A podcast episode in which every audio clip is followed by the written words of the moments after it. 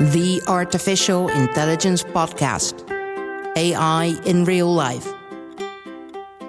Whenever people ask me where I'm from, my answer tends to surprise them. I grew up 100% in the Netherlands, but then how come I sound like a valley girl? The answer? I watch a lot of Netflix. And before there was Netflix, I watched a lot of The Bold and the Beautiful. And before my mom allowed me to watch that, I watched a lot of animated shows about various superheroes. You might say I learned my first tidbits of English from watching Spider Man. I've been thinking about that a lot lately because with AI, it feels like all of us have suddenly come in possession of these amazing abilities. Like we've been bitten by a spider and we're testing our new shiny powers.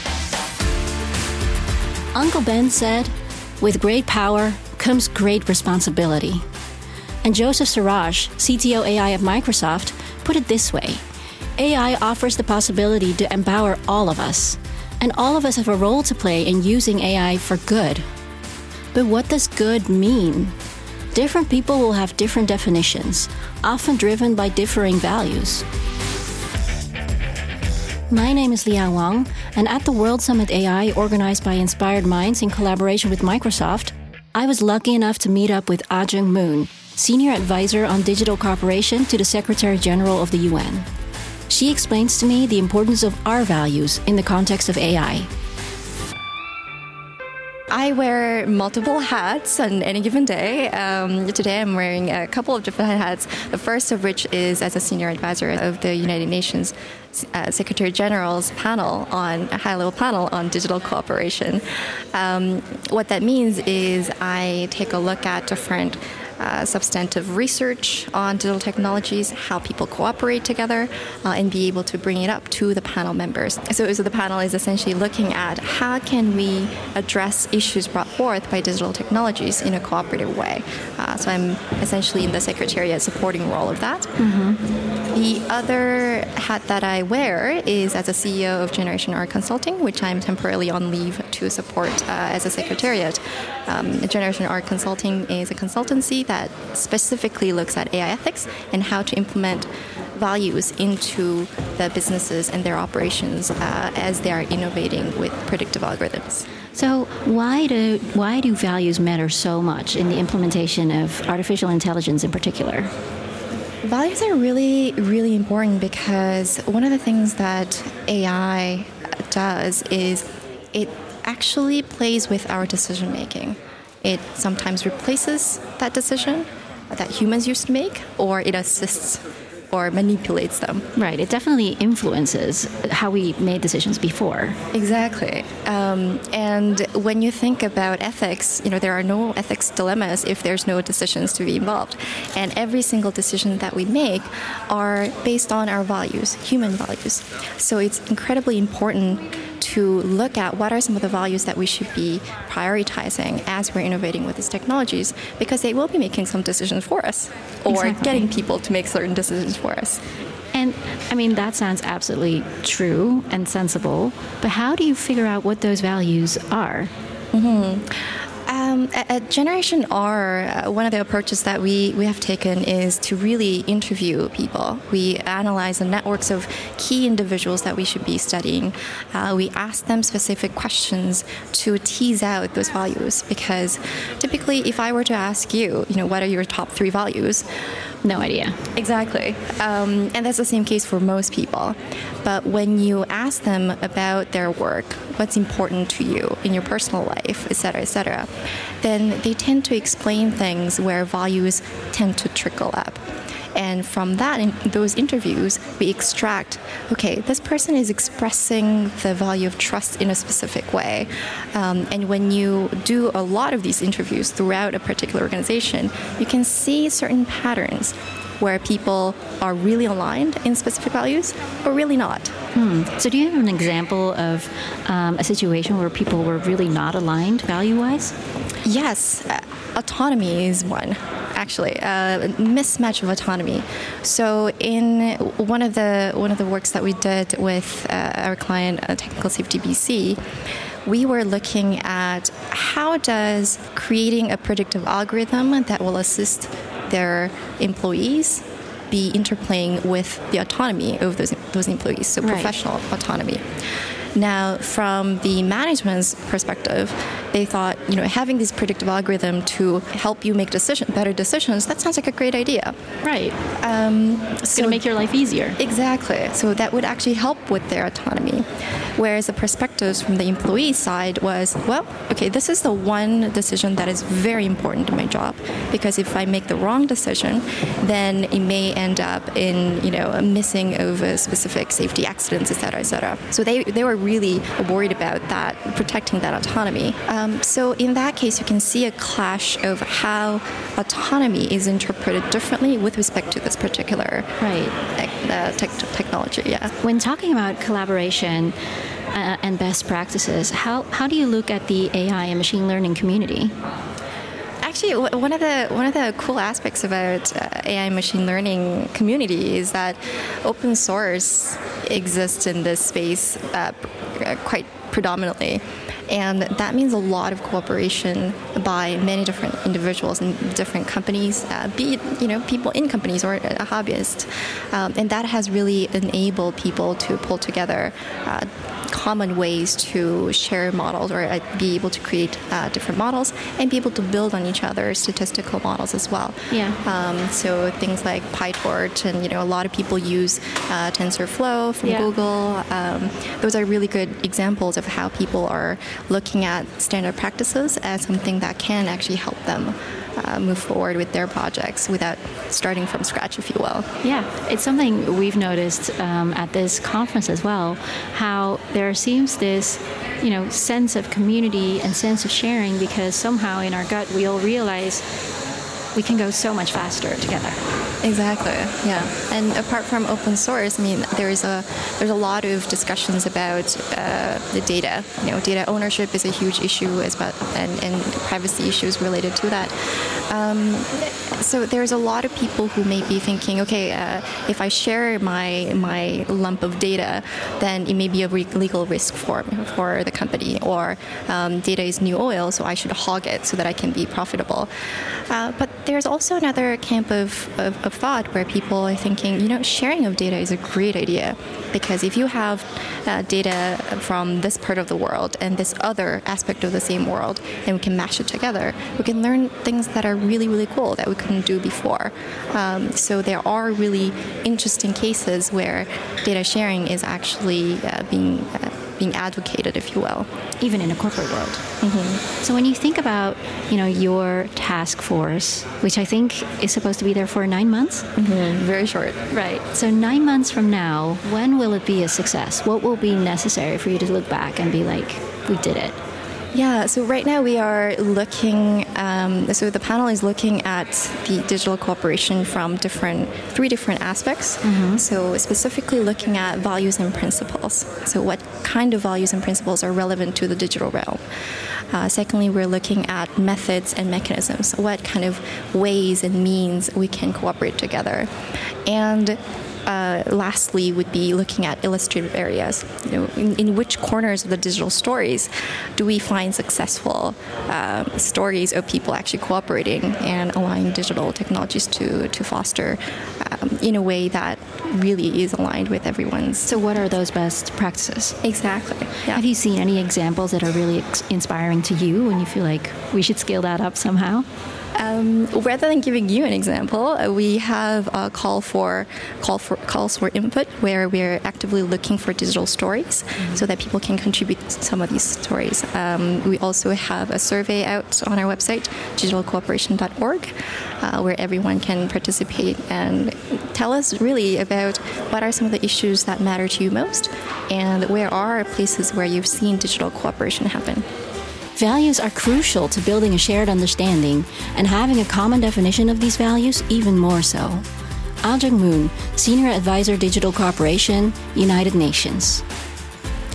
This sounds straightforward, but I, for one, am not used to considering my values nor my biases explicitly. A lot of it is unconscious, rooted in history, culture, upbringing, but can still have real consequences.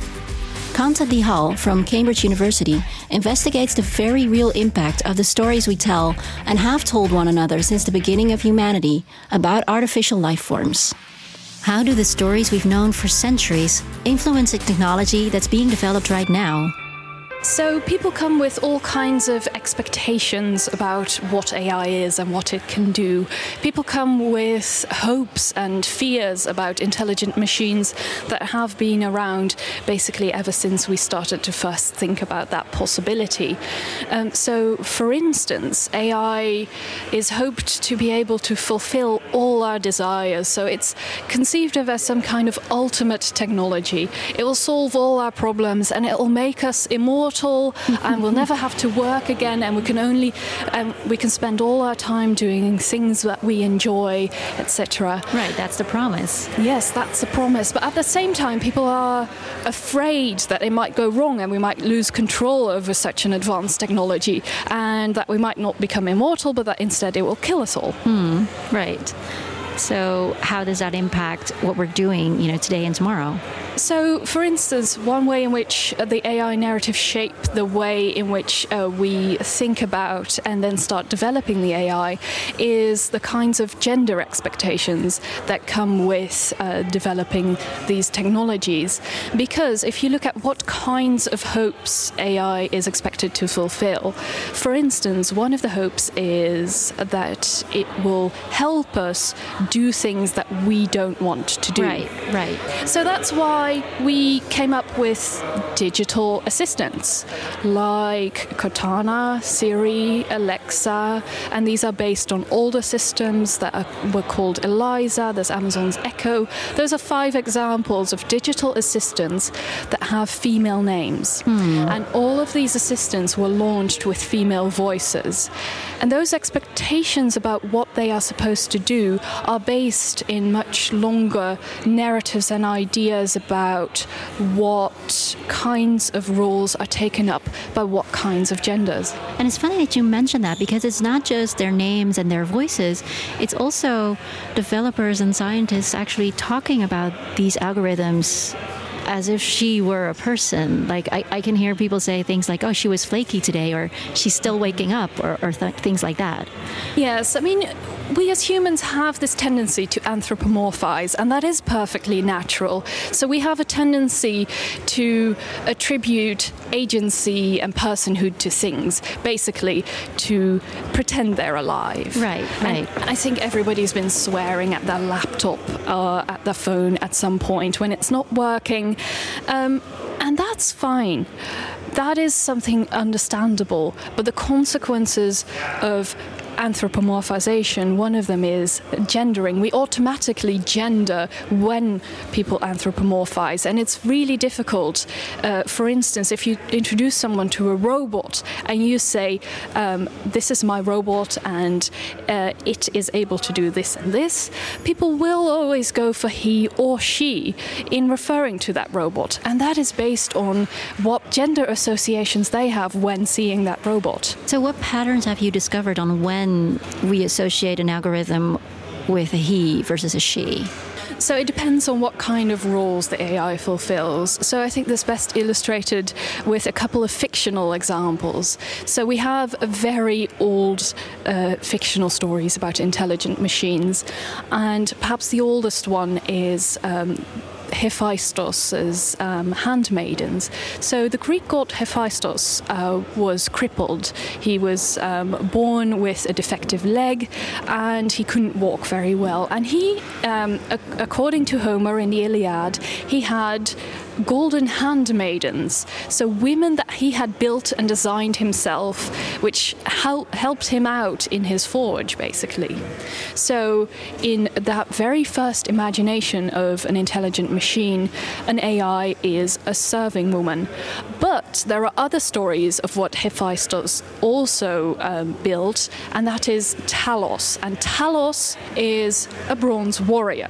Talos was described, for instance, in the Argonautica as a gigantic bronze man that patrolled the island of Crete and that uh, threw boulders at invaders. Hmm. And I, I, guess, like, more recently, you see that in The Terminator, which is obviously a man. Exactly. So it's the same idea, just coming back again and again um, from. Um, 800 BC uh, to you know 1987 when Right. the Terminator came out. Right.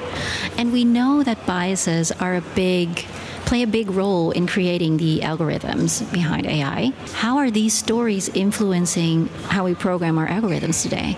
The narratives feed into um, a cycle of injustice uh, that we are investigating uh, at my research center. So, um, with uh, my co author, Stephen Cave, um, we've identified this uh, cycle where um, we start off with social injustices that already exist. So it is it is the case right now in our society that there is gender discrimination, racial discrimination, um, all these kinds of injustices. Those feed into the development of the technology in two ways. On the one hand, people who go into AI development carry with them those uh, biases and those stereotypes and expectations. So, this rather homogenous group of current AI researchers, I mean, in Silicon Valley, it is very homogenous, it is mostly white men. Um, who have all these biases and develop products that reflect those biases. On the other hand, in machine learning, those systems are trained by um, data sets. And those data sets are collections of data um, of, uh, taken from the past decades or so. And so they reflect sometimes even biases that we haven't had in the most recent decades. Right. So they reflect even older biases. Yes, you have a massive amount of data, but um, what kind of data, what kind of uh, social injustices does this reflect? Right. What kind of conclusions can you draw from that data? Exactly. So, on the one hand, you have the machine learning systems that are designed uh, by people who have stereotypes, and on the other hand, those systems then learn from data sets that also reflect biases. And so, with those two kinds of biases fed into them, those systems are then deployed and just let out into the world, where they sometimes do massive damage uh, before they are being called back uh, as people discover that they carry Right. these biases. Right. I think we have the habit to reflect these things on AI as a technology. When actually maybe we should reflect on, you know, us as human beings and what we are trying to do or to accomplish with technology. Exactly, because once the um, AI gets deployed into the world and starts um, changing things there, then that influences the narrative that is being told about AI in the field. So, um, how uh, news coverage of AI, um, but also fiction, reflects on new technologies, and it very often just focuses on the technologies themselves and their consequences, rather than the processes that feed into technology that behaves in that way in the first place. Right. And what kind of effect is that going to have on children growing up right now and watching the news? I think it's worrying that these uh, so these narratives reflect um, a status quo of the technology that is not very encouraging, and especially when these stories show how, on the one hand, AI is gendered, is biased, um, and you know, uh, one of the great hopes of, that people have for AI is that will, it will start looking like a beautiful woman. And on the other hand, the people developing AI are basically always white men, whether they're portrayed as such in fiction or covered as such in, uh, on the news. I mean, what is that going to do for the expectations of the average 14 year old girl who is starting to look at her career options if she knows what an AI researcher is supposed to be like and what an AI is supposed to look like or what we want from AI and whether she wants to contribute to that. Right. So both in the technology and in a narrative surrounding it, we're actually at least running the risk of perpetuating injustices and stereotypes that are already existing. Absolutely. And if those narratives uh, then prevent people from entering that workforce, of course, that workforce is not going to get more diverse. And that means that the same stereotypes held by the same group of people will continue to exist there. How do we break this cycle? Well, one thing that um, I try to do with the AI Narratives project is to show people that there are alternative narratives. There are people who have been thinking about ways in which AI can break this cycle uh, in fiction, um, but also in non fiction. But I mean, for every Terminator picture that you use to um, you know, make your uh, news story look more attractive. There are alternative films that you could rely on, or alternative uh, books that you can point to. And so, what we try to do is uh, facilitate um, access to these stories and um, if they come from different cultures and different languages where people think differently about AI, then we try to get them out in translation and bring them out to large platforms so that people are more informed about other ways of imagining AI. Where can we find these diverse narratives on AI? Um, so, for instance, if you're looking for uh, a film that uh, breaks the gender stereotypes, I would recommend the film uh, Conceiving Ada, which stars Tilda Swinton as an AI researcher. So, a woman AI researcher, and she develops an AI that doesn't look like um, a super masculine soldier bot or a super feminine, uh, attractive sex bot. Instead, the AI looks like a bird. Because why not? So, go watch Kanta Dihal's recommended Conceiving Ada. Go work in AI, especially if you don't consider yourself that kind of person, and if you already do, continuously reflect on the impact of your unconscious biases. Ilse Verdiesen, major in the Dutch Armed Forces who also researches the ethics of autonomous weapons at Delft University, talks about how to apply these principles in one of the most hotly debated fields, the military. Ilse, tell me, how did this combination come across? Yeah, um, well, I started uh, my career in the army 23 years ago. Um, I've been a logistic officer for most of the time. I um, re got retrained to an IT professional uh, on an applied level, um, and then I was involved in doing a lot of IT projects, uh, implementing large logistical systems. Um, and then I got the opportunity to study at Delft University of Technology uh, and doing a master's program. Yeah, in my master's the, uh, uh, program, I got involved in a summer school on yeah. responsible artificial intelligence, mm -hmm. um, and then I started wondering uh, what does responsible artificial intelligence has for uh, has implications for my uh, profession. So for my military uh, profession, what yeah. can we do with those type of technologies? Um, and, and how can we do that in a responsible manner? And then you stumble upon the whole debate on uh, autonomous weapons. Right. So the opportunities you saw, but also the, the debate, I guess, that you heard going on triggered you in, in learning more about this. Yeah, and then um, what I found is there's a the, the debate is intense. It's very uh, polarized. Um, it's very black white. Um, uh, a lot of strong views and opinions are, are um, are uh, voiced. Um, and I was wondering, okay, so I, I, read this in the academic literature, I see it on, on the online media and social media and uh, the debates at the UN level. How does that impact my military work? Mm. Um, what do we think as military professionals uh, of autonomous weapons? Um, do we actually uh, see potential benefits of them? Uh, what are the risks involved? Um, how do we want to mitigate those risks? Uh, so we started. So I started reading up on that and, and doing some practical, as we call it, academic literature empirical research uh, towards the acceptability and the, the moral values uh, regarding autonomous weapons. And what were your findings? Um, well, first of all, I was very lucky to to work um, uh, at the MIT Media Lab. I, I studied abroad for five months uh, in a, a, great research group. Uh, so I got a lot of support from uh, people who work at both MIT and Harvard, um, and looking from a cognitive psychologist perspective. So, mm -hmm. what do mm-hmm. people feel?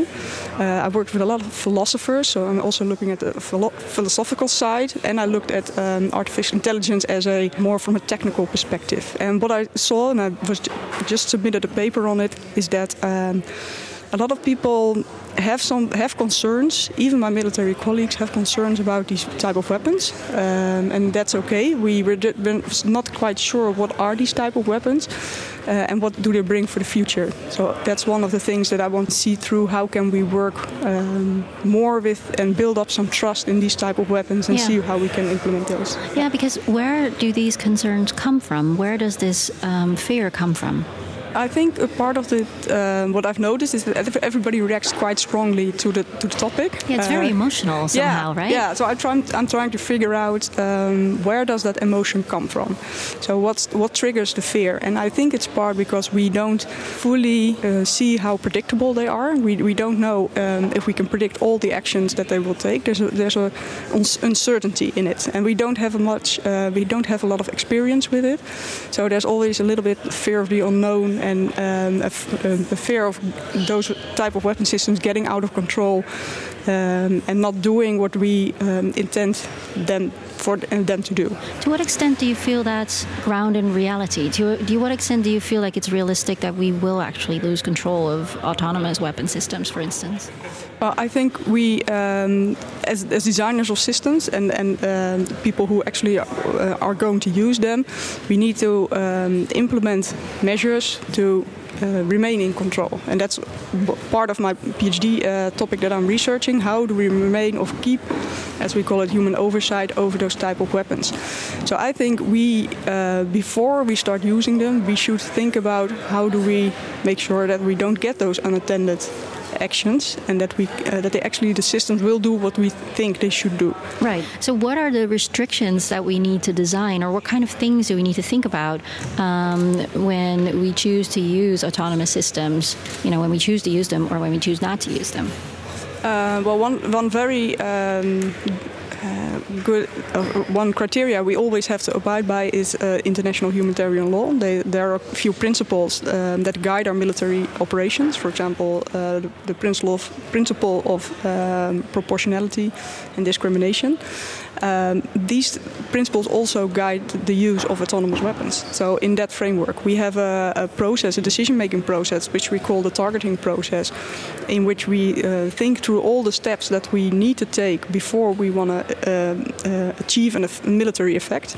Um, and there are often uh, there are a lot of options uh, to be considered if you actually have to use a weapon or not, because mm -hmm. maybe you can achieve the same effect by uh, a non, as we say, a non-kinetic option like the, talking to people or um, explaining more what we're doing instead of you don't always choose to use a weapon. Right. So I think if we use autonomous weapons, we should also use them in that decision framework. And when you think about the decision framework and how important it is that it captures our values, who should decide like how do you figure out whether you've done it right? Who should decide whether the machine is making the right decision or the wrong decision? Yeah that's that's a very uh, tricky part. In a lot of ai systems right now there is no supervisory board or stamp of approval this this system uh, upholds our values. Exactly. Um, and there's also not a not and then which values do you uphold? So that's that's a really hard uh, decision uh, and question to to answer. That's why we um, are really looking towards um, international frameworks from uh, the international humanitarian law, which has been around for many, many decades already, uh, and guide us, have guided us throughout uh, our operations. To okay, we know this works. Can we still use that? Uh, and can we apply it in a manner that to those type of weapons uh, also? Yeah. So that framework is basically it captures, I guess, our values and our principles as human beings, um, and it guides our human decision making. So it also guides, should guide our autonomous decision making. Yeah. Yes. So how is that going to impact the technology?